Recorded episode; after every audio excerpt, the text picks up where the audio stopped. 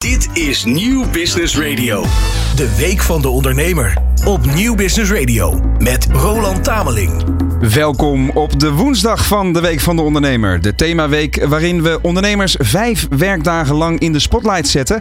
Duiken in belangrijke actuele onderwerpen die ondernemend Nederland bezighouden. En vooral ook daadwerkelijke oplossingen aandragen. Zo ga je vandaag leren hoe je jouw bedrijf op digitaal vlak klaar krijgt voor de toekomst. Ik ben Roland Tameling en vandaag doe ik dat niet alleen. Want eh, de komende twee uur eh, bevind ik me in het eh, goede gezelschap van Martijn van Lieshout.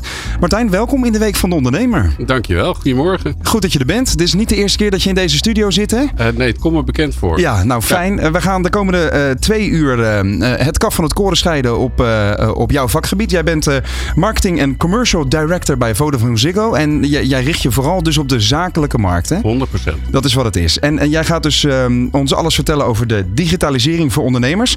jullie noemen dat ook wel fit for the future. dan ben ik even benieuwd. we willen natuurlijk een beetje triggeren waarom de, de ondernemer die kijkt en luistert moet blijven kijken en luisteren. Kun je alvast een tipje van de sluier oplichten? Wat gaan we van jou leren vandaag? Nou, ik denk het zijn een paar dingen die, die, die leuk zijn om mee te geven. Een van de dingen is inderdaad fit for the future. Wanneer ja. ben je nou eigenlijk klaar voor de toekomst? Wanneer ben je als ondernemer voorbereid op wat er nog gaat komen? En dan zie je dat er een stukje mindset heel belangrijk is. Dus ben je forward looking, zoals het dan zo mooi heet.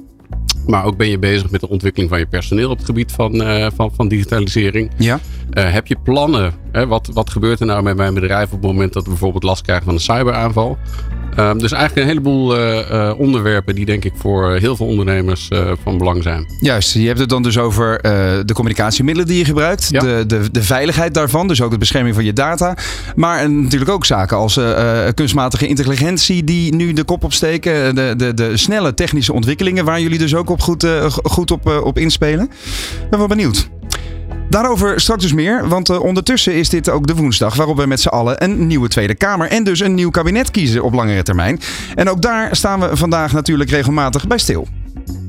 De Week van de Ondernemer met Roland Tameling op Nieuw Business Radio. Het is inderdaad niet alleen de week van de ondernemer, maar ook de week van de Tweede Kamerverkiezingen. Uh, Martijn, we hebben afgesproken dat we niet te veel over politiek gaan hebben uh, samen. Maar heb jij het uh, slotdebat, slotgebed wil ik zeggen, het slotdebat van gisteren nog gekeken of nou, niet? Het was bijna een slotgebed, ja. dacht ik. Nee, ik heb het inderdaad gekeken met een zijdelingse oog, moet ik heel eerlijk zeggen. Dus ja. was ook met andere dingen bezig. Um, ik ga geen uitspraak doen over, uh, over politiek. Dat hebben we afgesproken. Ik ben wel wezen stemmen vanochtend alvast. Okay. Uh, als, als allereerste bij het stembureau om half acht. Dus uh, ik heb in ieder geval mijn burgerlijke plicht gedaan. Heel goed, zoals het hoort. Maar ik ben, ben, wel even benieuwd in hoeverre, je, je hoeft inderdaad geen stemadvies te geven, maar in hoeverre ben jij bekend met de verkiezingsslogans van de verschillende partijen? Hoe, nou, wat mij opviel was dat in de afgelopen dagen uh, eigenlijk alle kranten vol stonden met grote foto's en, en logo's. Ik moet heel eerlijk zeggen dat ik de slogans daar niet heel erg uh, opvallend in vond. Op, uh, in ieder geval die van, van D66, nou, omdat die lag toevallig vanochtend op, op het aanrecht. Ja. Heeft niks met een stemadvies te maken overigens. maar die lag, nee. op het, die lag op het aanrecht. Misschien dat mijn vriendin mij iets wilde vertellen. Dat zou kunnen. Ja.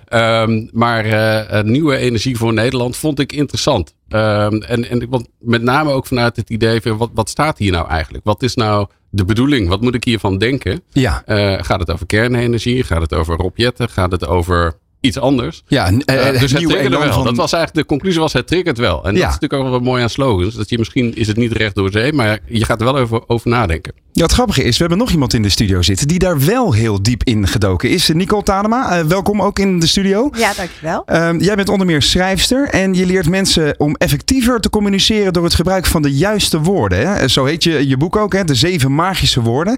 Je bent dus feitelijk expert op het gebied van, van copywriting en ook uh, neuromarketing in, in, in zekere zin. Dus ja. uh, de juiste effecten genereren door middel van het gebruik van de juiste woorden.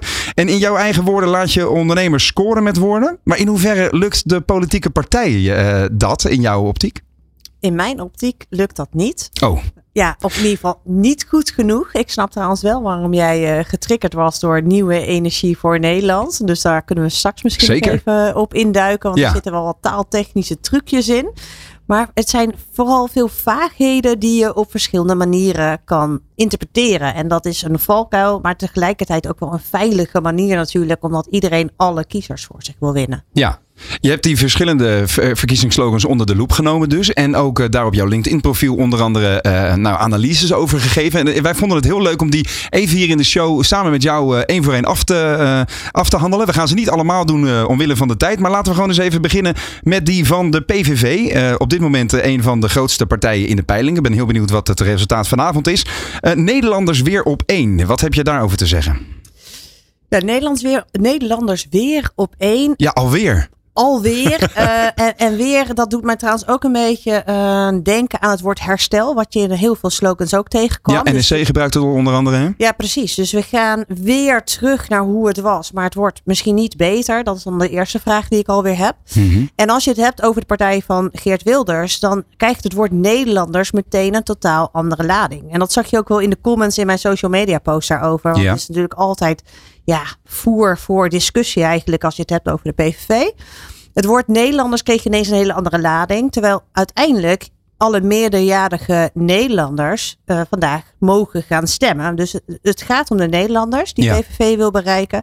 Maar je merkt toch wel dat dit woord ja, op verschillende manieren wordt ervaren. Het, het, roept echt een bepaalde emotie op. Ja, want je zegt het dubbele zit hem in. Enerzijds spreek je een soort uh, ja, uh, vaderlandsliefde aan. Maar aan de andere kant ook wel die tegenstelling tussen wellicht nieuwe Nederlanders met een andere uh, immigratieachtergrond bijvoorbeeld. Ja. ja. En het past wel heel goed hè, bij de kernwaarden. ik geloof dat in het verkiezingsprogramma staat hard op immigratie. Dus je weet wel ja. meteen, dit is een slogan van PVV. Dat vond ik er dus heel krachtig mm -hmm. aan. Maar ik denk ook dat een grote groep zich stoort aan het woord Nederlanders. Oké. Okay. Dus in, in theorie zou dat ook negatieve gevolgen kunnen hebben.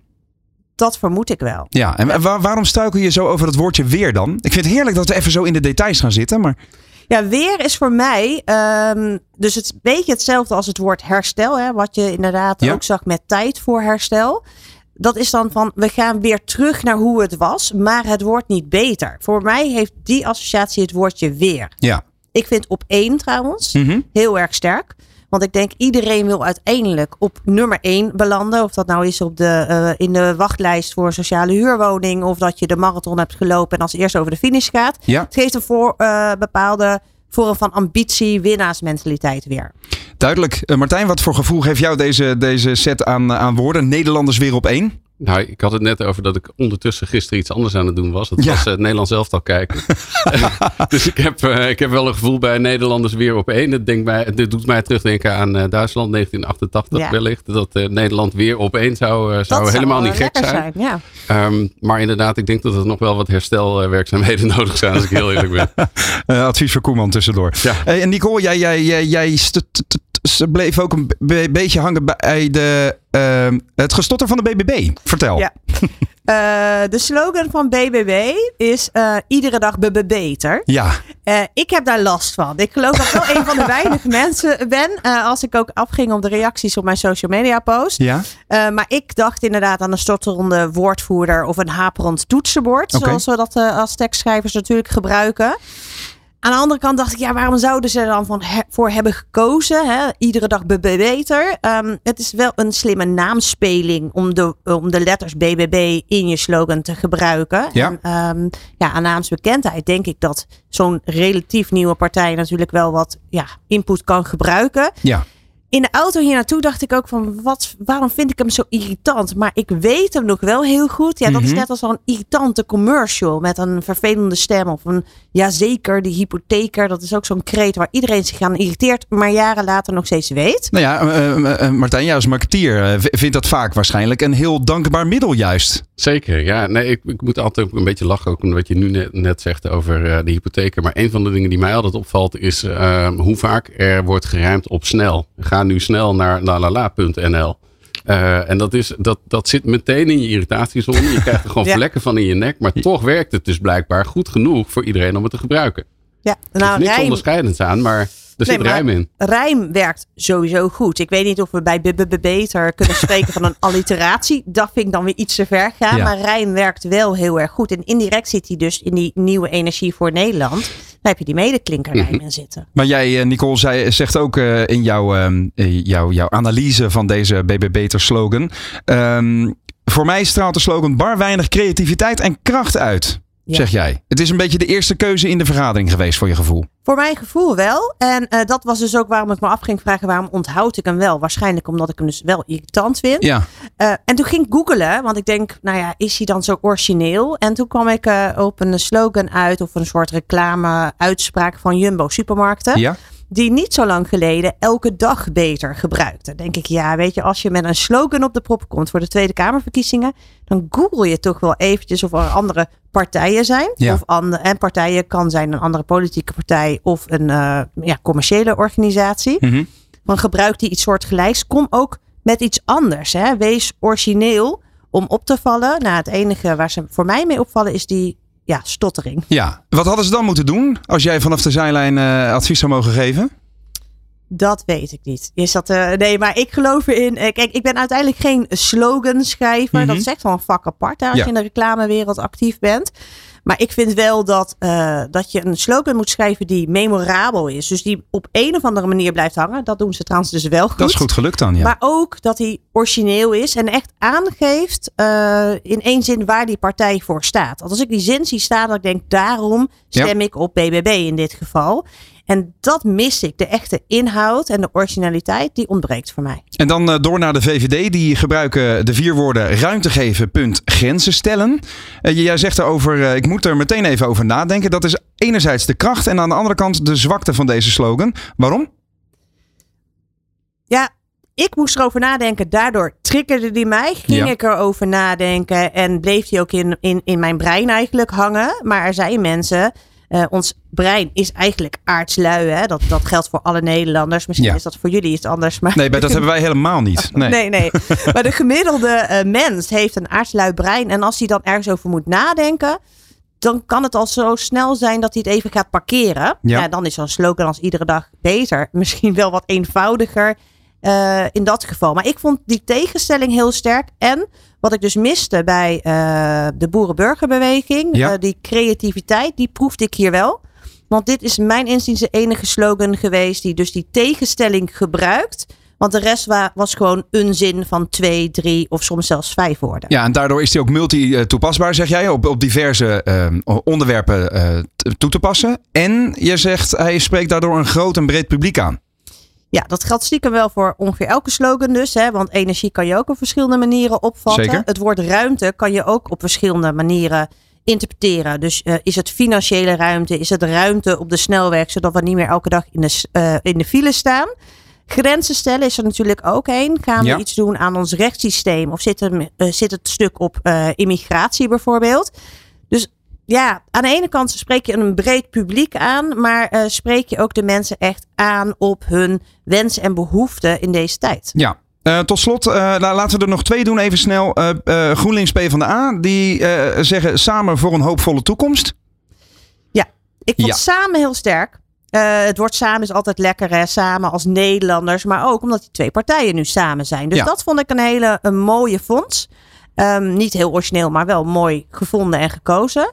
Het woord hoopvol heb ik dus echt heel veel last van. Die zag ik ook nog in het onderschrift van het CDA terug. Ja. Ehm, het ho- woord hoopvol, ja, we hopen dat het goed komt. Dat, dat, voor mij Mis wat daadkracht of zo. ja. Ja. Daar Ja. was een uh, gezegde voor, toch? Hope is not a strategy. Dus wat, uh, wat ga je nou doen? Dat is dan eigenlijk de vraag, toch? Ja, dat was het. En, en we hopen dat het goed komt, maar we weten het niet zeker. Dat gevoel krijg ik er in ieder geval bij. Ja. En, en die toekomst vind je daarentegen wel weer sterk. Ja, het wordt toekomst. Iedereen wil een betere toekomst. Ja. Um, een hoopvolle toekomst, dat is dus nog te betwijfelen. Maar toekomst geeft wel aan van we werken aan wat er nog voor ons ligt en we kijken niet terug. Mhm. En dan tot slot even uh, toch wel een van de, nou, de, de uh, in aanloop naar de verkiezingen in ieder geval, uh, een van de grootste beloftes. nieuw sociaal contract, Pieter Omzicht. Tijd voor herstel. Ik Die... dacht dat je dan als allereerste slogan, hè, een nieuwe partij, iets mag bedenken. Dan kom je met tijd voor herstel. Um, wat sterk is, en daar mm -hmm. hadden we het in het voorgesprek al even over, dat dit, deze slogan bestaat uit drie woorden. De zogenaamde drieslag. Uh, daarmee uh, treedt omzicht in de voetsporen van Barack Obama. Zo zou je het kunnen zien. Hè? Yes, we can. Mm -hmm. uh, dus dat is een hele sterke als we het hebben over wat ons brein plezierig vindt en eerder gaat onthouden. Het woord tijd vind ik ook wel lekker. Is ook op verschillende manieren te interpreteren. Want urgentie en we nemen er de tijd voor. Ja, ja. Ik, ik voelde de urgentie, maar een aantal van de mensen die comments gaven onder mijn LinkedIn-post, die, die voelden eigenlijk dat van we nemen er de tijd voor. Ja. Maar herstel is toch weer, we gaan terug naar hoe het was. Dus dat stukje weer, wat ik uh, eerder aangaf bij de PVV-slogan, ja. dat krijg ik hier dan. Van we gaan, het wordt niet beter, maar we gaan terug naar wat het was. Ja, maar dat is in zekere zin waarschijnlijk heel bewust gekozen vanwege de licht uh, conservatieve koers die de partij vaart ook, toch? Dat denk ik wel. En, Ja. en, en in die end, dit is wat ik vind, hè, dat is hartstikke subjectief. Ik heb er zo objectief mogelijk naar proberen te Ja. kijken. Ja. Ehm, maar voor mij voelt het van het wordt er niet beter op. Dus dan kom ik weer terug op die slogan van eh, eh, de Boerenburgerbeweging. Misschien was die zo slecht nog niet. Kijk. Want daar wordt het wel beter. Daar wordt de toekomst in ieder geval duidelijk. Ja. Ja, nou, zo is het, eh, zo is het rond. Heb je al gestemd? Nee, dat ga ik eh, vanmiddag doen. Dus ik rij straks weg uit Hilversum richting het pittoreske Lelystad waar ik woon. Ja. En dan eh, gaan we daar eens even in de plaatselijke gymzaal eh, een stem uitbedenken. En zweef je nog of ben je al geland? Ik zweef nog een klein beetje. Maar ik moet zeggen, die analyse van de slogans heeft wel geholpen. Omdat ik me ook in de verkiezingsprogramma's eh, wat meer heb verdiept dan voorgaande jaren. En voordat je weggaat, mag ik je nog een vraag stellen? Zeker. Eh, we hebben het over slogans en we hebben het over de drieluik. Wij hebben er ook eentje natuurlijk als merk. Together we can. Ja, ik moet meteen denken aan Barack Obama. Je wil weten wat ik ervan vind. Ja, ja. Ik heb wat moeite met eh Engelstalige slogans. Mhm. Dat wil niet zeggen dat mijn Engels niet goed is. Dat is het niet. Maar eh, natuurlijk kan ik die vertaling wel maken. Eh, maar Waarom heb je er moeite mee? Even tussendoor. Omdat ik, ik hou heel erg van duidelijke taal. Maak het zo eenvoudig mogelijk. Dat vindt ons brein ook super fijn. En ik moet toch een vertaalslag maken. Ondanks dat dat een fractie van een seconde is. En er zijn ook mensen die minder eh, de Engelse taal machtig zijn natuurlijk. Dus daar struikel ik eigenlijk al meteen over. Het doet me denken aan Yes We Can. Ik weet niet wie eerder was. Barack Obama of Vodafone Ziggo. Denk de tekstschrijver van eh, Barack Obama. Ja, toch wel. Eh, dus, dus die associatie heb ik. Maar ik vind hem wel sterk. Want je komt weer op dat woordje samen. Hè. We doen Mhm. het met elkaar. Dus dat vind ik een, eh, een mooi woord. En je denkt in mogelijkheden. Maar Nou. ik zou, ja, stiekem zou ik toch zeggen van kunnen we daar een Nederlands alternatief voor verzinnen? Samen kunnen we het, vind ik ook weer niet zo sterk. Ik wilde net zeggen, wat zou dan het eerste zijn dat in je opkomt? Jeetje, daar moet ik bij je op terugkomen. Zullen we dat in, eh, dan Ja. in een eh, lekker na de uitzending doen? Dan gaan wij eens even door over. eh, de- dankjewel voor dat mooie bruggetje, Nicole, voor het, het samen doen. Want dat is een van de redenen dat, eh, dat Martijn hier zit. Jullie doen het samen en voor ondernemers. Dankjewel, Nicole Tadema, graag voor gedaan, de dankjewel. duiding van de verkiezingsslogans. En dan gaan we nu door over Vodafone. De Week van de Ondernemer op Nieuw Business Radio. Zo is dat. De Week van de Ondernemer eh, eh, gebruiken wij natuurlijk ook om eh, daadwerkelijk oplossingen aan te dragen voor de ondernemer die luistert en of kijkt naar deze show. Ik zit hier in de studio met Martijn van Lieshout, marketing en commercial director van Vodafone. Ehm, nou, jij richt je dus heel erg op de, de zakelijke markt, Martijn. En voor dit eerste blokje lijkt het mij leuk om eens even de, de situatie bij jullie in de markt te schetsen. Wat speelt er en waar hou jij je elke dag mee bezig? Ehm, ik denk eh, even waar wij ons elke dag mee bezig willen houden is eh, precies eigenlijk wat Nicole net zei. Mhm. Samen met ondernemers zorgen dat we, dat we ze helpen om succesvol te zijn in een steeds digitaler wordende wereld. Eh, dat klinkt heel hoogdravend denk ik. Tegelijkertijd moet je het ook maar gewoon zien als de hele wereld wordt digitaler. Wij helpen erbij om ook toegang te krijgen tot de digitale wereld. Maar niet alleen dat. Wij zorgen er ook voor dat je op, op zoek kunt en dat je geholpen wordt bij het maken van de juiste keuzes. Voor welke oplossingen helpen je daar dan bij? Hè, je moet maar een gemiddelde ondernemer eh, zijn. Je bent eh, vooral druk met het zorgen dat je winkel of je café of je restaurant eh, open kan blijven. En dat je goed voor je klanten doet. Ja. Dan wil je over het algemeen helemaal niet bezig zijn met vragen als welke internetverbinding heb ik daar nou eigenlijk voor nodig? Of moet ik voor Teams kiezen of voor een andere oplossing als ik wil videobellen of hybride wil werken? Ja. Ehm, hoe kan ik er überhaupt voor zorgen dat ik mijn gasten een internetverbinding kan aanbieden? Want je kan tegenwoordig geen restaurant of winkel of, of eh, kapperszaak meer hebben. Zonder dat klanten van je verwachten dat je ook een internetverbinding Heb je een eh, wifi-code? Ja. Precies Ja, dat. Precies. Ehm, maar dat betekent dus ook dat als je dat niet goed inricht, dat eh, de klant op hetzelfde wifi-netwerk zit als je kassa of je klantensysteem of whatever je ook, eh, ook hebt. Ja. Ehm, en dat vormt dus ook potentieel een risico. Natuurlijk niet bij jou hè, specifieke ondernemer, want jouw klanten zijn natuurlijk allemaal te vertrouwen. Mhm. Ehm, maar ik zag toevallig eh, eh, in de krant van, van de week ook een bericht over eh, Black Friday is er. Er zijn Zeker. Heel veel bedrijven die zijn bezig met het, het bieden van aanbiedingen online. Mhm.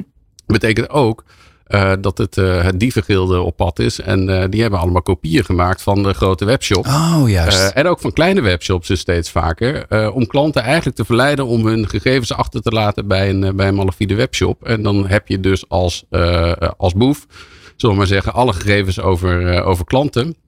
Eh, je hebt ook de betaalgegevens. Ja. Kun je lekker uh, met de creditcard, creditcard leeghalen. Ja. Um, maar ben je dus als ondernemer ineens slachtoffer geworden van, uh, van, van, van dit soort dingen? En ja, hoe ga je daar dan mee om? En je zegt de wereld wordt steeds digitaler. Maar dat, dat, dat, die tendens leeft natuurlijk eigenlijk al twintig ja, jaar. Is um, gegeven. Ja, uh, maar merk je dat, dat er nu de laatste jaren een soort versnelling is? Of een, een, een verergering van die, die dreigingen? Um, ja, absoluut. Uh, en dat denk, ik denk dat het ook te maken heeft met iets wat heel positief is. Uh, gek genoeg. Dus uh, wat je aan de ene kant ziet, is natuurlijk digitalisering zorgt ervoor dat je, uh, dat je heel veel kunt innoveren. Ja. zien dat steeds jonger mensen eigenlijk heel goed in staat zijn om die digitale middelen te gebruiken.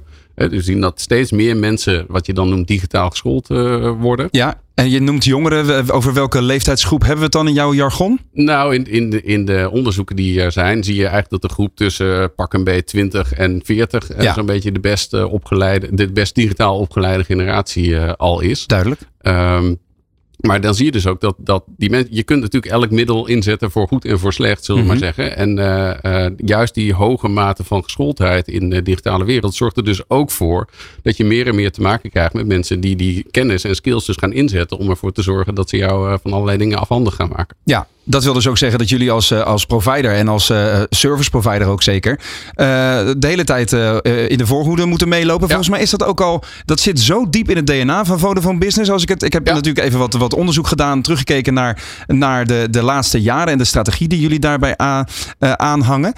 klopt het als ik het gevoel heb dat jullie eigenlijk altijd ja zeggen als er iets, een nieuwe technologie om de hoek komt? Omdat je in ieder geval het idee hebt, ja, we moeten er wel bij zijn. Uh, nou, dat laatste niet per se. Dus het is niet dat onze motivatie is dat we er wel bij zouden moeten zijn. Maar uh, ik denk dat we vooral willen kijken op welke manier kunnen we nou technologie inzetten om bedrijven te helpen om succesvol te zijn. En ja. dan zie je dat je op de voor, op de, uh, in de voorhoede moet lopen om twee redenen.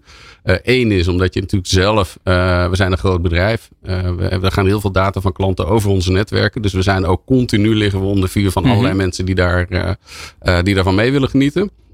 Tegelijkertijd uh, kijken ook ondernemers naar partijen zoals wij. Ja. Uh, die zoeken een partner. Wij noemen dat, onze strategie noemen we de partner for progress. Dus partner voor vooruitgang uh, strategie. Wij willen eigenlijk in elke stap van de, van, de, van de klantreis kunnen helpen met inspiratie, met de klant aan de hand meenemen en zeggen welke mogelijkheden zijn er allemaal. Mm -hmm. En welke keuzes zou je het beste kunnen maken in de specifieke situatie waar jij in zit. Dus juist dat hele uh, goed begrijpen van, van de specifieke situatie staat bij ons echt hoog op de lijst van prioriteiten. Ja. Uh, omdat ik ook vind, en wij ook vinden, dat we uh, onze rol, het, dat het onze rol is om die wereld simpel te maken. Dus dat al die keuzes die je kunt maken, ja, wat is nou ons advies voor de juiste keuze? Ja. Dan kun je het ook heel simpel, pragmatisch en, en efficiënt doen. Duidelijk. En die duidelijkheid is wat ondernemers vooral vragen aan jullie natuurlijk. Ja, en wat we zien is dat we, we hebben een, een platform opgericht in de afgelopen uh, jaren. Dat ja. heet VHub.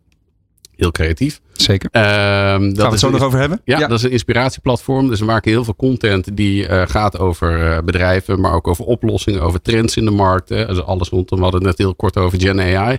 Ehm, dan zie je, we beginnen daar eigenlijk met het maken van content om te laten zien wat nou al de, al de mogelijkheden zijn. Ja. Uh, los van welke producten we hebben. En we zien dat de, dat de aanwas naar de platform heel groot is. Dus dat is iets wat ondernemers uh, blijkbaar raakt. Waar ze ook van ons teruggeven. We zien dat die, dat, dat die content ons helpt om uh, te begrijpen wat de mogelijkheden zijn. Ja. En dat zorgt er ook voor dat ze uiteindelijk Vodafone Business zien als zo'n partner. Uh, met natuurlijk helemaal down the line ergens ook uh, het voordeel dat ze dan uh, vaker voor ons zullen kiezen in een, in, in een traject waarbij ze ook iets commercieels willen. Duidelijk.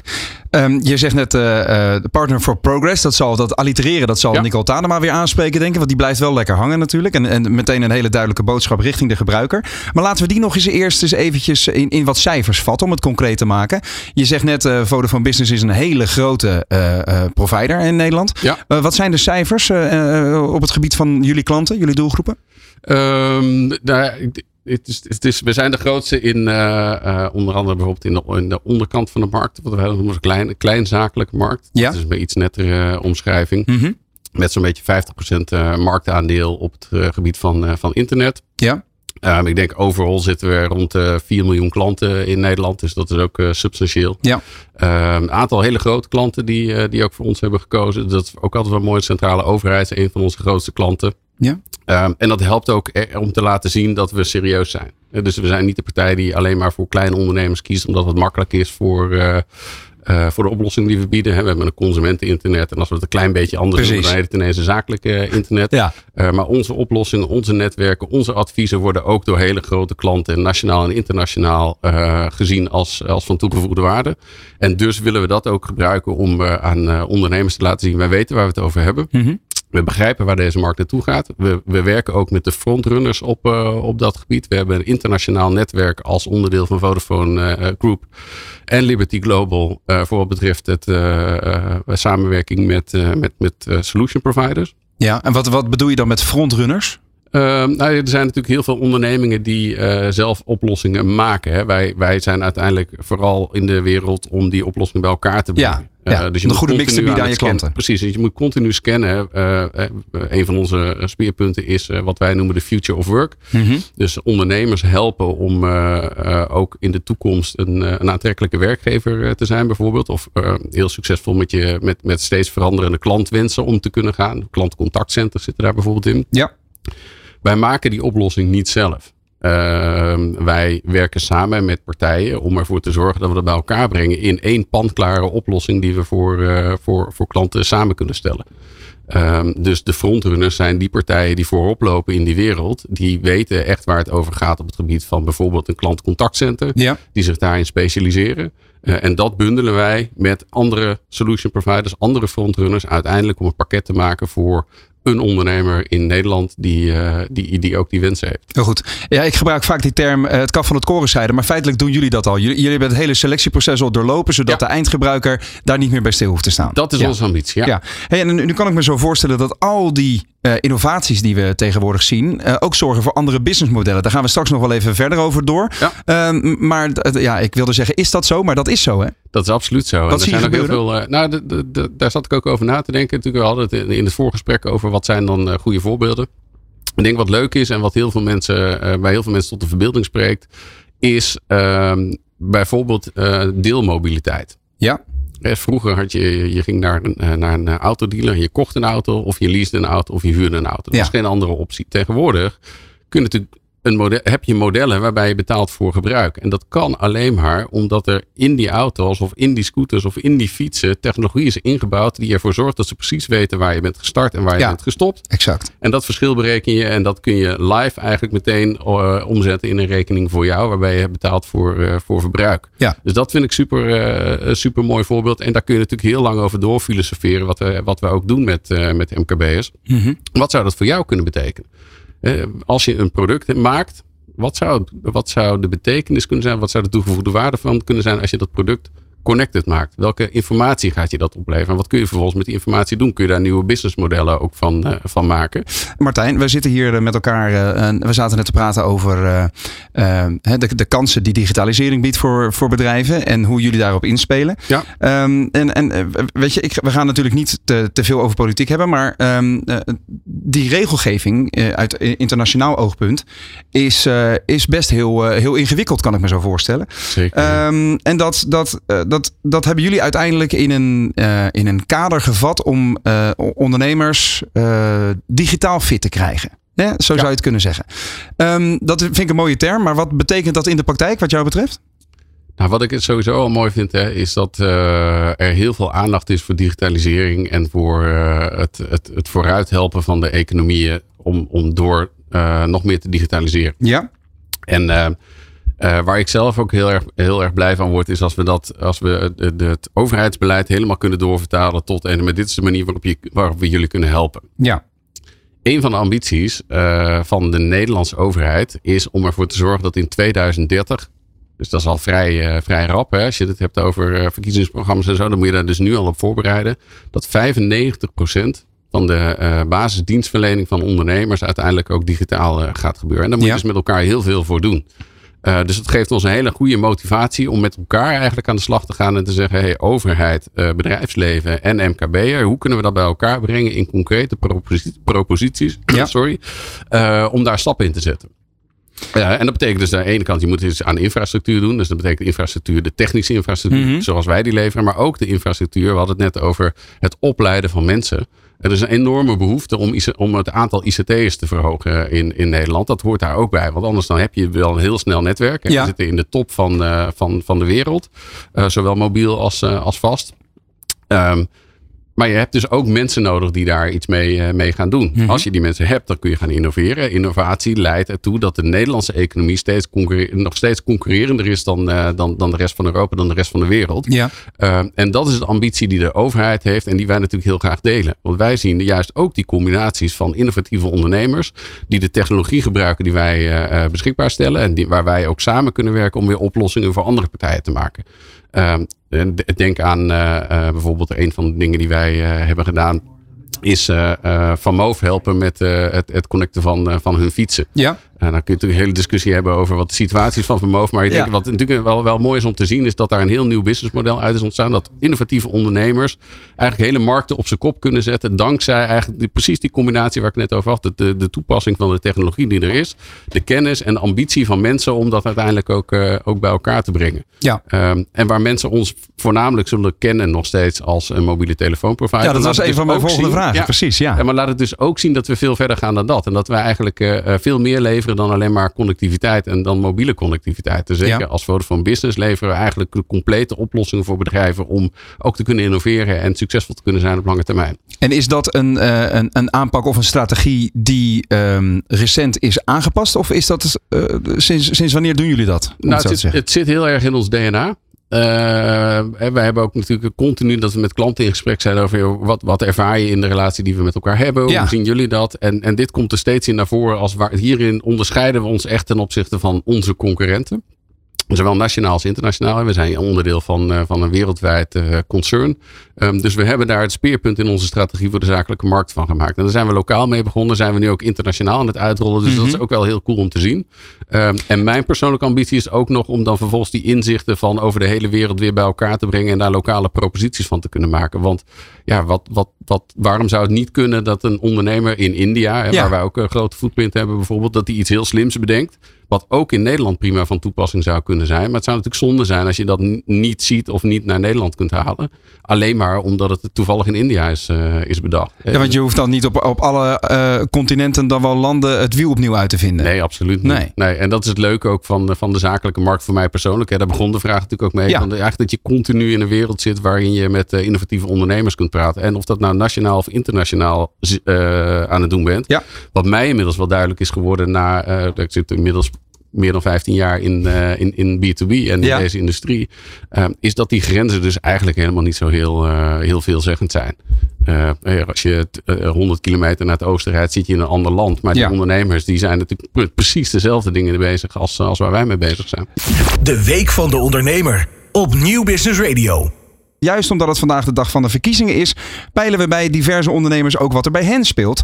Wat hebben zij nodig van de politiek en hebben zij het gevoel dat de partijen dat snappen? En stiekem ben ik ook wel benieuwd bij welke partij zij zich het meeste thuis voelen. Uh, daarom bellen we onder andere met Danielle Kleiheeg, de oprichter van wat zij zelf de leukste detacheerder van Nederland noemt. I for Talent. Danielle, uh, dankjewel dat je toch aan de telefoon bent gekomen. Ja, goeie, goedemorgen inderdaad. Ja, het was op de valreep, maar uh, ik maak altijd even tijd voor je, dat weet je. Nou, dat, uh, dat uh, waarderen we zeer. Um, hoe gaat het bij iForTalent? Wat speelt er bij jullie in de branche? Nou, bij ons gaat het, gaat het heel goed. Kijk, we hebben onze gebruikelijke dingen, maar die, die zijn er altijd, vind ik altijd maar. Dus daar maak ik me ook nooit zo druk om. Wat zijn de gebruikelijke dingen dan? Ben ik even benieuwd. Nou ja, dat zijn niet, geen noemenswaardige oh. dingen in die zin, maar gewoon uh, ja, lopen altijd tegen dagelijkse zaken aan. Die, uh, maar dat gaat gewoon door. Dus het is niet dat je nou zegt van. Uh, en ik denk dat we daar ondernemer genoeg voor zijn om te zeggen van joh, we gaan gewoon lekker door in onze eigen koers varen. Mm -hmm. Dus ja, het gaat goed eigenlijk wel, moet ik zeggen. En zijn er dan uitdagingen? Ik kan me zo voorstellen dat jij het niet lastig vindt om personeel te vinden, maar of, of geldt dat ook voor jullie? Nee, dat geldt zeker. Dat geldt zeker voor ons. En dat is natuurlijk een van de, nou ja, de grootste uitdagingen van de, van de afgelopen jaar zeker. Ja. Uh, het, het tekort aan, uh, aan personeel. Um, maar ook dat is, daarvan ja, zeg ik ook altijd weer, dat is een gegeven en ja, dat, da, daar moet je mee dealen, zeg maar, om het zo te zeggen. Ja. Ehm, dus en als je dan gewoon datgene blijft doen waar je zelf heel goed in bent, dus dat is de, in ons geval de leukste zijn, dan, uh, en je hebt daar goede focus, dan komen mensen toch uiteindelijk ook wel bij je. Kijk, alleen het gaat niet zo makkelijk als een aantal jaren geleden, nou, dat klopt. Ja. Wat zijn verder vragen die bij jou leven als ondernemer en in hoeverre heb je het gevoel dat dat leeft in Politiek Den Haag? Uh, nou ja, dat is een, een mooie vraag. Alleen, Gemene vraag ook een beetje nou ja, op de dag van vandaag, dat gaf je ook net als intro aan, aan mij aan. Alleen, um, um, ja, ik heb niet zo heel erg veel met politiek. Dus, uh, dus in die zin uh, is dat natuurlijk een heel, een heel raar gegeven op de dag als een dag van vandaag. Ja. Uh, maar ja. Maar goed, je hebt niet zo. Dat een beetje, kijk, wij leven in een democratisch land, dat begrijp ik. Alleen, het is wat ik net eigenlijk ook zei. ja, je kan niet aan alles kan je wat doen, zeg maar. Nee, maar ik kan me wel dus, voorstellen dat je een bepaalde dus koers voor Nederland uh, in je gedachten hebt. En je, je, zegt, ik heb niet zoveel met politiek, maar je hebt natuurlijk wel uh, veel met de regeltjes en de, uh, de, de, nou ja, de besluitvorming die vanuit de politiek invloed heeft op jouw bedrijf. waar, wat voor pijlers zijn dan voor jou van belang? Of waar hoop je nou, op? Kijk, ik denk dat dat niet alleen voor nu geldt, maar dat het al, al jarenlang zo is. Uh, is dat we natuurlijk, als we het hebben over arbeidsbemiddeling, over detachering, over het uitzendwezen. Ja, daar wordt daar natuurlijk aan alle kanten wordt daar aan getrokken. Alleen dat, dat speelt ook al jarenlang. En ik denk dat als je als goede ondernemer, dat je ja, dat je daar je eigen weg in moet zien te vinden. Uh, in plaats van, vind ik zelf altijd, maar dat is mijn persoonlijke mening. Ja. Dan je daar heel druk om te maken en daar uh, vooral tegen in te gaan en er te veel over, veel over te discussiëren. Heb ik altijd, ben ik altijd meer van mening van. Ja, sommige dingen zijn een beetje wat ze zijn. daar kan ik me heel druk om maken. Maar ik denk dat het belangrijker is dat ik ga, ga kijken naar de kansen, naar de oplossingen. en hoe ik dingen zelf ga oplossen. Martijn, eh, kan jij, je dat, kan jij je dat voorstellen? Heb je daar een gevoel bij? Nou, de, ik herken de mindset natuurlijk helemaal. Mm want dat is wat je bij veel, eh, bij veel ondernemers ook ziet als, als we ermee mee spreken. Ik herken ook wel dat je natuurlijk helemaal niet van de, van de smaak van de dag zeg maar, afhankelijk wilt zijn. Ja. Tegelijkertijd is het ook wel een beetje wat jij zegt natuurlijk. Je, moet, je moet ook met elkaar een context creëren waarin, uh, waarin dingen kunnen en makkelijker worden. Zoals bijvoorbeeld internationalisering of digitalisering. En, en misschien ook wel flexibilisering van je van, van, van hoe heet dat? De, de, de werkenden in Nederland. Ja, de arbeidsmarkt. De arbeidsmarkt. Zo, ja. Daar was ik naar op zoek. Dankjewel. Soms is het ook gewoon een beetje lastig hè, als je ineens gewoon uh, voor zo'n microfoon Al die stress van die live uit, uitzendingen. En ik wilde nog wel radio-dj worden toen ik klein was. Nee. Um, maar het is goed dat je dat zegt inderdaad. Want met name voor detacheerders en, en, en uitzendbureaus en dergelijke, zoals, eh, zoals I Talent dan. Ja. Uh, Danielle, uh, ik kan me voorstellen dat bij jou juist ook die, die verandering uh, van, de, van de arbeidsmarkt, hè, vaste contracten, ZZP'ers, ja, ja, dat dat juist zeker. heel direct invloed heeft. En dat je daardoor ook toch wel in de gaten houdt wat men daarvan vindt. Nee, oh, abso oh, absoluut. Kijk, en dat is ook zeker zo. En dat heeft er met name mee te maken dat je gewoon moet zorgen dat je, dat je op de hoogte bent en dat je weet wat er gaat veranderen. Ja. Uh, en, uh, en dat je daar dus zelf als ondernemer uh, je profijt uit moet halen of je dingen in moet doen, zeg maar. Dat is zeker zo, sowieso belangrijk. Je kan niet oogkap opdoen en zeggen, nou, ik ga en ik weet niet wat er omheen gebeurt. Nee, dat mm -hmm. zeker niet. Alleen, ik ben niet het type die zegt van, nou, ik ga eens even voer een discussie en ik ga eens eventjes eh, met z'n allen voor zorgen dat we daarin tegen ingaan. Dat is gewoon niet mijn, eh, dat, dat is gewoon niet wie ik ben. je. je laat je dus ook niet, niet leiden door beloftes. Ja, sorry. Hey, je, laat je, je, laat je, je laat je dus ook niet leiden door beloftes in zekere zin. Nee, zeker niet. Nee, nee. Ik, ik, weet je, ik, ik, ik luister goed wat er gebeurt en ik, eh, ik, ik hou mijn oren en ogen open en, en probeer daarin gewoon mijn, uh, mijn weg te vinden. Ja, maar als je je dan niet uh, zo betrokken houdt bij de, of niet, niet, niet, niet ontzettend bezig bent met de politiek in Nederland, uh, heb je dan al wel enig idee welk vakje je rood gaat kleuren vandaag? Nou, dat uh, dat weet ik zeker wel. En uh, ik ga me daar niet in die zin niet over uitlaten. Dat zou ik normaal gesproken wel doen, maar, maar dan krijg je ook alweer altijd allemaal tegenwerpingen. Mm -hmm. Maar uh, ik kan wel één ding zeggen. En dat is, ik zou het wel heel leuk vinden als we een vrouwelijke premier krijgen. Kijk, nou dan hebben we enig idee welke, welke kant het uitgaat. Dankjewel voor je tijd even, Danielle Kleijer van i Talent. De Week van de Ondernemer op Nieuw Business Radio. Ja, zou dat dan Mona Keizer zijn of toch Dylan Jessegus? Ja, of Splinter had ook een, had ook een vrouwelijke kandidaat, inderdaad. Ja, ja. Um, maar dat is wel op, ergens opmerkelijk dat, dat er, ja, je, als ondernemer ehm, moet je je natuurlijk niet laten leiden door de waan van de dag. dus in die zin zit er ook wel een, een mooie parallel in met jullie aanpakken bij Vodafone Business. Hè? Want je gaat wel mee op de nieuwe ontwikkelingen, maar je springt niet van het, uh, van het ene eilandje naar het andere eilandje. Nee, dat kan ook niet. Hè. Als je een betrouwbare partner wil zijn, kan je niet ineens uh, van de een op de andere dag je koers wijzigen. Dus we zijn daar inderdaad heel, uh, ook, ook um, heel veel mee bezig. Van waar willen we op langere termijn naartoe? En daar ook gestaag aan, uh, aan het bouwen. En daar moet je ook consistent in zijn. Daar moet je ook aan je klanten, je medewerkers, aan, aan al je partners ook kunnen laten zien wat die route is. Ja. Uh, en daar samen aan verder, uh, aan verder bouwen. Dus ik, dat hele Together We Can is voor, wat mij betreft, wat dat betreft, ook een hele duidelijke uh, ambitie die we met elkaar hebben. Ja, ik wil graag nog even teruggrijpen naar het gesprekje dat we hadden zojuist voor het telefoongesprek met Danielle. Uh, toen zei je van joh, er zijn uh, wel grenzen tussen de verschillende landen, maar die grenzen zijn eigenlijk niet zoveel zeggend, want over de hele wereld hebben ondernemers ongeveer hetzelfde nodig ja. uh, in hun vakgebied. Kun je daar een voorbeeld van, van, van geven wat jij in de afgelopen tijd hebt zien ontstaan of een, een, een, een vraag of een opdracht vanuit de klanten waarvan je zegt hé, hey, maar dit kunnen we dus op brede schaal inzetten? Ja, nou, een, een van de voorbeelden is misschien al een iets ouder voorbeeld. Uh, maar is uh, uh, slimme energiemeters. Ja. Uh, als concept is dat, uh, is dat in Nederland begonnen. Mm -hmm. en dat, dat is bij een van onze klanten ook, ook gestart. Die hebben gezegd van joh, wij willen eigenlijk continu in verbinding staan met de energiemeters bij, bij klanten thuis. Want op basis daarvan kunnen we betere inschattingen maken over de ontwikkeling van het netwerk. Bijvoorbeeld het energienetwerk. Ja. kunnen we ook betere inschattingen maken over waar we onderhoud zouden kunnen plegen. Dus er zitten heel veel voordelen aan vanuit de energieleverancier die met name gericht zijn op, op efficiëntie. Dat hele concept is wereldwijd uitgerold bij allerlei verschillende type bedrijven. Hè. Denk aan uh, zonnepanelen, denk aan waterbedrijven. Precies. Denk aan eigenlijk allerlei concepten waarbij uh, naar operationele efficiëntie is gekeken. En hebben ze gezegd, uh, met, de, met de leerervaringen die we hebben bij die Nederlandse energieleverancier, kunnen we wereldwijd ook dat concept verder uitrollen. Mm -hmm. um, dus ja, dat zit er absoluut in. Uh, we, zijn, we zien ook dat, uh, we hadden het net over businessmodellen. Het feit dat uh, als je nu een nieuwe auto koopt, ja. daar zitten standaard ook een aantal simkaarten in. Dat weet je niet, die zie je niet. Maar het feit dat je als je rondrijdt een internetverbinding hebt, ja.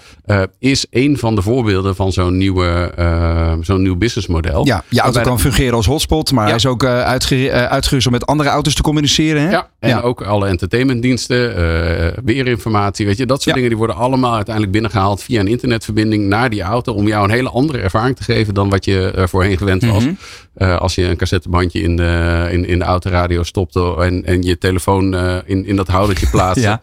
is, is, dat benadert het natuurlijk wel, maar is natuurlijk een hele andere, uh, er zit een ander businessmodel aan. Namelijk dat die auto, de, de provider van je auto, de leverancier van je auto, mm -hmm. je ook andere diensten kan gaan verkopen dan alleen maar het rijden in die auto. Duidelijk. Dus je ziet steeds meer uh, businessmodellen rondom uh, betaalde diensten in je auto. En dat zijn ook businessmodellen waar jullie dan garen bij spinnen? Uh, nou, niet direct, maar indirect natuurlijk wel. Want het, het is ook een, een inspiratie voor andere bedrijven. En daar kunnen wij ook weer naar verwijzen. En zeggen, joh, maar als BMW het kan, Mhm. mm -hmm. uh, waarom zou jij het dan niet kunnen doen? En waarom, wat zou er in jouw branche, in jouw oplossingen uh, portfolio zijn, Ja. waarmee je ook een connected dienst zou kunnen gaan ontwikkelen, waarmee je van het businessmodel van eenmalige product kopen, eigenlijk naar een businessmodel kunt gaan van, van steeds terugkerende omzet. Ja, dan zie je dat in de autowereld inderdaad zelfs uh, tot op detailniveau dat BMW aanbiedt dat je stuur, uh, stoelverwarming via een abonnementsmodel kunt, uh, kunt aanschaffen. Daar zijn ze alweer van teruggekomen. Maar ja. um, dit, dit laat wel zien dat de technologie hard gaat. En dat is nog een puntje dat ik graag in dit blokje even wil aanstippen. Want je zei net van wij, wij, wij willen wel snel met de technologie aanhaken. Maar we springen niet op elke car die voorbij dendert. Maar um, op dit moment is natuurlijk artificial intelligence een van de snelst groeiende ontwikkelingen en de snelst ontwikkelende, uh, ontwikkelende groeipunten, denk ik ook wel, ja. uh, in uh, het, het voeren van een zaak, zo gezegd. hoe gaan jullie daarmee om? Ja, er, zijn, er zitten natuurlijk ook weer daar twee kanten aan. Eén is de kant dat we zelf als bedrijf natuurlijk ook uh, gewoon klant zijn met een heleboel andere bedrijven. En ook kijken op welke manier artificial intelligence ons kan helpen om bijvoorbeeld een efficiënter netwerk uh, te laten draaien. Dus daar ja. gebruiken we heel veel uh, oplossingen, proof of concepts voor. Om te onderzoeken, kunnen we dat op de een of andere manier gebruiken. Het zit ook heel erg in mijn eigen team. Dus we zijn bezig met uh, generative AI, met name ook om te kijken naar uh, hoe kunnen we het vak van marketingbedrijven uh, nou op een andere manier doen. En kunnen we inspiratie halen uit de tools die daarvoor beschikbaar zijn. En dat is eigenlijk ook het punt waarop we zeggen, we willen die inspiratie meteen ook delen met, uh, met onze klanten. Los van het feit dat we nog niet een generative AI of een AI product of propositie klaar hebben ja. Dus dat komt wel. En Microsoft, uh, een van onze partners, die levert bijvoorbeeld Copilot als onderdeel van de, van de Microsoft 365 uh, mm -hmm. propositie. Dus we, we, we kunnen wel meepraten en we kunnen wel adviseren over is dat nou een slim idee om te doen of niet. We hebben nog geen product wat Vodafone AI heet, waar je nu al dagelijks nou, hele slimme dingen mee kunt doen. Nee, nee slimme dingen doen met onze oplossingen, maar nog niet op basis van AI. Dus zitten we nu nog in, in zekere zin in het stadium van experimenteren? Ik denk het wel. Dus in ieder geval vanuit mij bezien en vanuit onze, uh, ons als bedrijf gezien, zijn we bezig om te kijken waar kunnen we dit nou allemaal voor inzetten en hoe slim is slim nou eigenlijk. Ja, dus uh, naast ja. het feit dat ik radio-dj wilde worden, ben ik ook enigszins belast met het feit dat ik technologie heel interessant vind. Ja. Dus ik wil ook heel graag weten wat erachter zit en hoe generative AI werkt. Uh, en of het nou echt zo slim is je zou een beetje technologiefilosoof kunnen noemen in dat, in dat opzicht. Ja, daar zit ook nog een carrière in. Ja, ja wel, wellicht. Ja, misschien kunnen we daar podcasts ja, precies. Ja. Uh, ik, ik, ik weet het nog niet. Ik, ik moet heel eerlijk zeggen dat ik, ik van de huidige modellen nog niet extreem veel verwachtingen heb. Hmm. Dus GPT-4 is natuurlijk super interessant. Ja. Maar is het nou echt slim? Of is het gewoon heel erg slim bedacht dat hij uh, een voorspelling doet over wat het meest de most likely next word uh, is in, de, in de zin die ze, die, die, die ze je aanbieden. Uh, en ik denk op basis van hè, een beetje testen met prompting en dat soort dingen, dat het vooral nu nog het laatste is. Mm -hmm. En dat wil niet zeggen dat per definitie fout is, alleen je kunt niet zeker weten dat het goed is. En als ik niet zeker weet dat het goed is, wil ik het eigenlijk ook niet aan mijn klanten adviseren. En dat is een beetje waar, waar het punt waar we staan. Ja, maar uh, wat is dan het punt waarop je denkt, hey, nu is het goed genoeg of nu is het de moeite waard om zeg maar wel voor te stellen bij je klanten? Nou, ik denk dat één ding wat er in ieder geval zou moeten gebeuren, is dat uh, de algoritmes en de tools laten zien waar ze de informatie vandaan halen. Mm -hmm. En een testje die je, wat je zelf kan doen is, ga maar eens op zoek naar informatie over feitelijke dingen waar je de feiten van kunt checken via generative AI. Ja? Het komt in heel veel gevallen, en heel veel gevallen is, is uiteindelijk natuurlijk niet bij in 50% van de gevallen, maar meer dan 5% van de gevallen. Ja.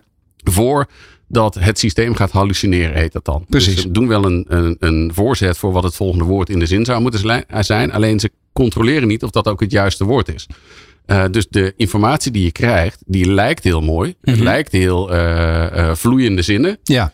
Alleen het kan klinkklare onzin zijn. Want juist, juist op sommige vlakken moet je dan ook eigenlijk al vrij veel basiskennis hebben om te weten of die AI je op de juiste manier helpt. Om te toetsen of het, uh, of het goed is. En Ja. dat is denk ik ook een van de. uh, we hadden het over overheidsambities. Een van de dingen die ik dus heel mooi vind in alle partijprogramma's. Is Ja. dat er veel meer aandacht komt voor het leren van mensen. Leren van kinderen in deze wereld. Om ook uh, zin en onzin van elkaar te scheiden. Of kaf en koor, zoals jij, uh, zoals jij net zegt. Mhm. En dat is denk ik belangrijk om uiteindelijk ook de stap te kunnen maken. Om het met goed vertrouwen producten van te kunnen maken. Die je ook gaat, uh, gaat inzetten om klanten te helpen. Ja, maar dan nog even terug naar mijn vorige vraag. Wat is dan het punt waarop je denkt, hé, hey, nu is het goed genoeg?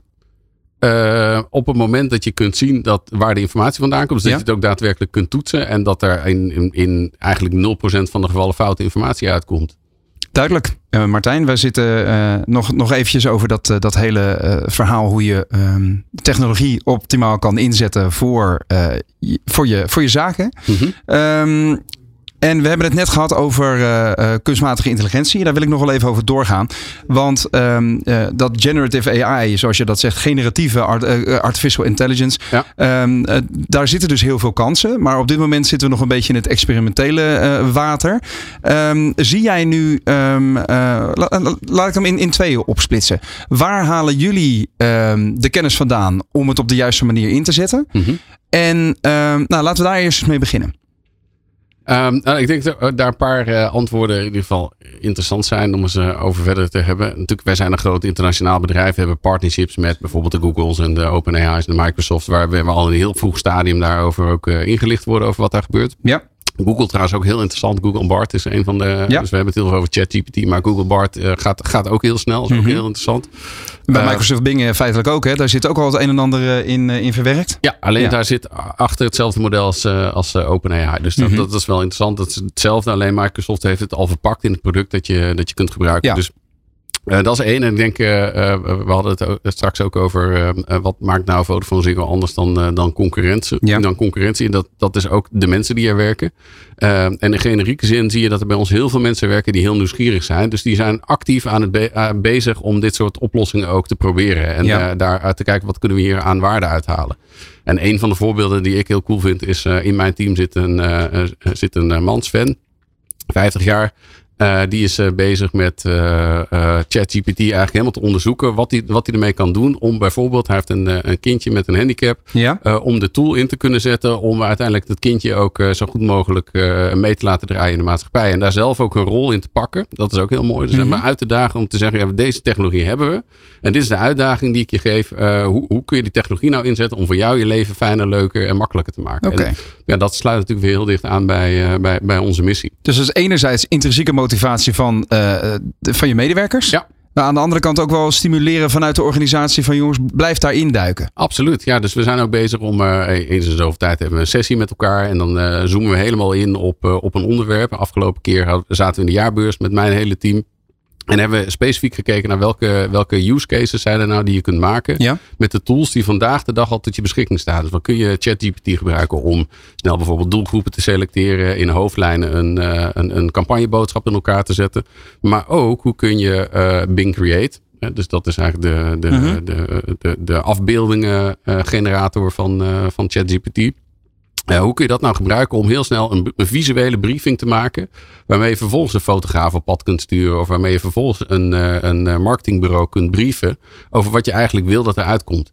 Uh, en, en, dat is ook cool, dan moet je maar eens een keer zelf proberen. Je ja. kan dus in bing.com slash create, kun je gewoon woorden ingeven en dan maakt de tool maakt daar een afbeelding van. En soms tot op het punt dat het fotorealistisch is. Dus je kunt eigenlijk, nou ja, als je, use cases voor ondernemers, je zou in principe, waar niet dat ik niet precies weet hoe de rechtendiscussie in elkaar zit, maar je mhm. zou in principe uh, eenvoudige campagnes of voorzetten voor campagnes, marketingmiddelen, social media posts zelf kunnen maken. Zonder tussenkomst van fotografen, terwijl het toch fotorealistisch is. Ja, dat is voor jullie kant van de medaille natuurlijk uh, een, een, een, heel efficiënte slag. Want je, je, ja. je tikt gewoon een aantal stappen in de keten, haal je uit de ketting zo gezegd. Nou, wat voor mij vooral helpt, is om sneller duidelijkheid te krijgen naar elkaar toe. Dus ik hoef okay. niet per se uh, stappen uit de keten te snijden. Waar ik vooral naar op zoek ben, is als je nou met iemand zit die creatief fotograaf is. Ja, probeer maar eens uit te leggen wat ja. jij in je hoofd hebt. Dat Precies. is super complex. Maar hier kun je dus eigenlijk al voorzetten maken en, en voorstellen wegstrepen waarvan de tool denkt dat het misschien wel een, een optie zou kunnen zijn. Maar misschien ook wel die fotograaf. Dus je, je kunt veel sneller selecties maken van welke kant je op wil en daar duidelijkheid over geven. Dus opnieuw uh, is het een conclusie. Uh, het is een versterking, geen vervanging voorlopig. Absoluut. Ja. ja. En als we nu een beetje vooruitkijken, zou je dan het gevoel hebben dat het wel eens een vervanging zou kunnen worden? Um, ik denk persoonlijk, maar daar komt weer de technologiefilosoof in mij naar boven. Ja. Uh, ik denk persoonlijk dat, dat er, er, zullen taken zijn die uh, artificial intelligence makkelijker kan doen. Of leuker vindt. Of minder vervelend vindt dan, ja. uh, dan mensen dat vinden. Maar ik, ik geloof ook wel een beetje in die reclame van Randstad. Er zijn heel veel dingen die uh, artificial intelligence nooit van je gaat overnemen. Ja. Wat ik wel zie is dat de skills waar mensen op beloond worden. Dus vroeger werd je, werd je gevierd als medewerker als je heel goed was in Excel. dat gaat wel veranderen. Want Excel wordt naar de achtergrond gedrukt. Ja. En het gaat veel meer over welke vraag kun jij stellen waar uiteindelijk de tool met allerlei slimme dingen die je niet eens, hè, misschien niet eens kunt controleren, maar die mhm. dan de data ophaalt uit allerlei Excel sheets, allerlei databases en dan jou het panklare antwoord geeft. Dus de skill wordt veel meer welke vraag kun je stellen en op welke manier kun je het antwoord gebruiken om weer je voordeel mee te doen als ondernemer of als medewerker van een bedrijf? Heel goed. Nou, eh, vragen en antwoorden genoeg in dit eerste uur. Dus straks in het tweede uur gaan we daar zeker mee door. Uh, tijdens de Week van de Ondernemer 2023. Want straks hoor je nog meer over digitale oplossingen voor ondernemers. Gaan we het hebben over kunstmatige intelligentie. Nou, die heb ik ook nodig zo te horen. En we gaan verder over cyberveiligheid. En we zoeken contact met de redactie van de ondernemer. tenminste, met de, de mensen in het ondernemershuis in Den Haag. Voor het laatste nieuws rondom de verkiezingen. Graag tot zo. Dit is de Week van de Ondernemer.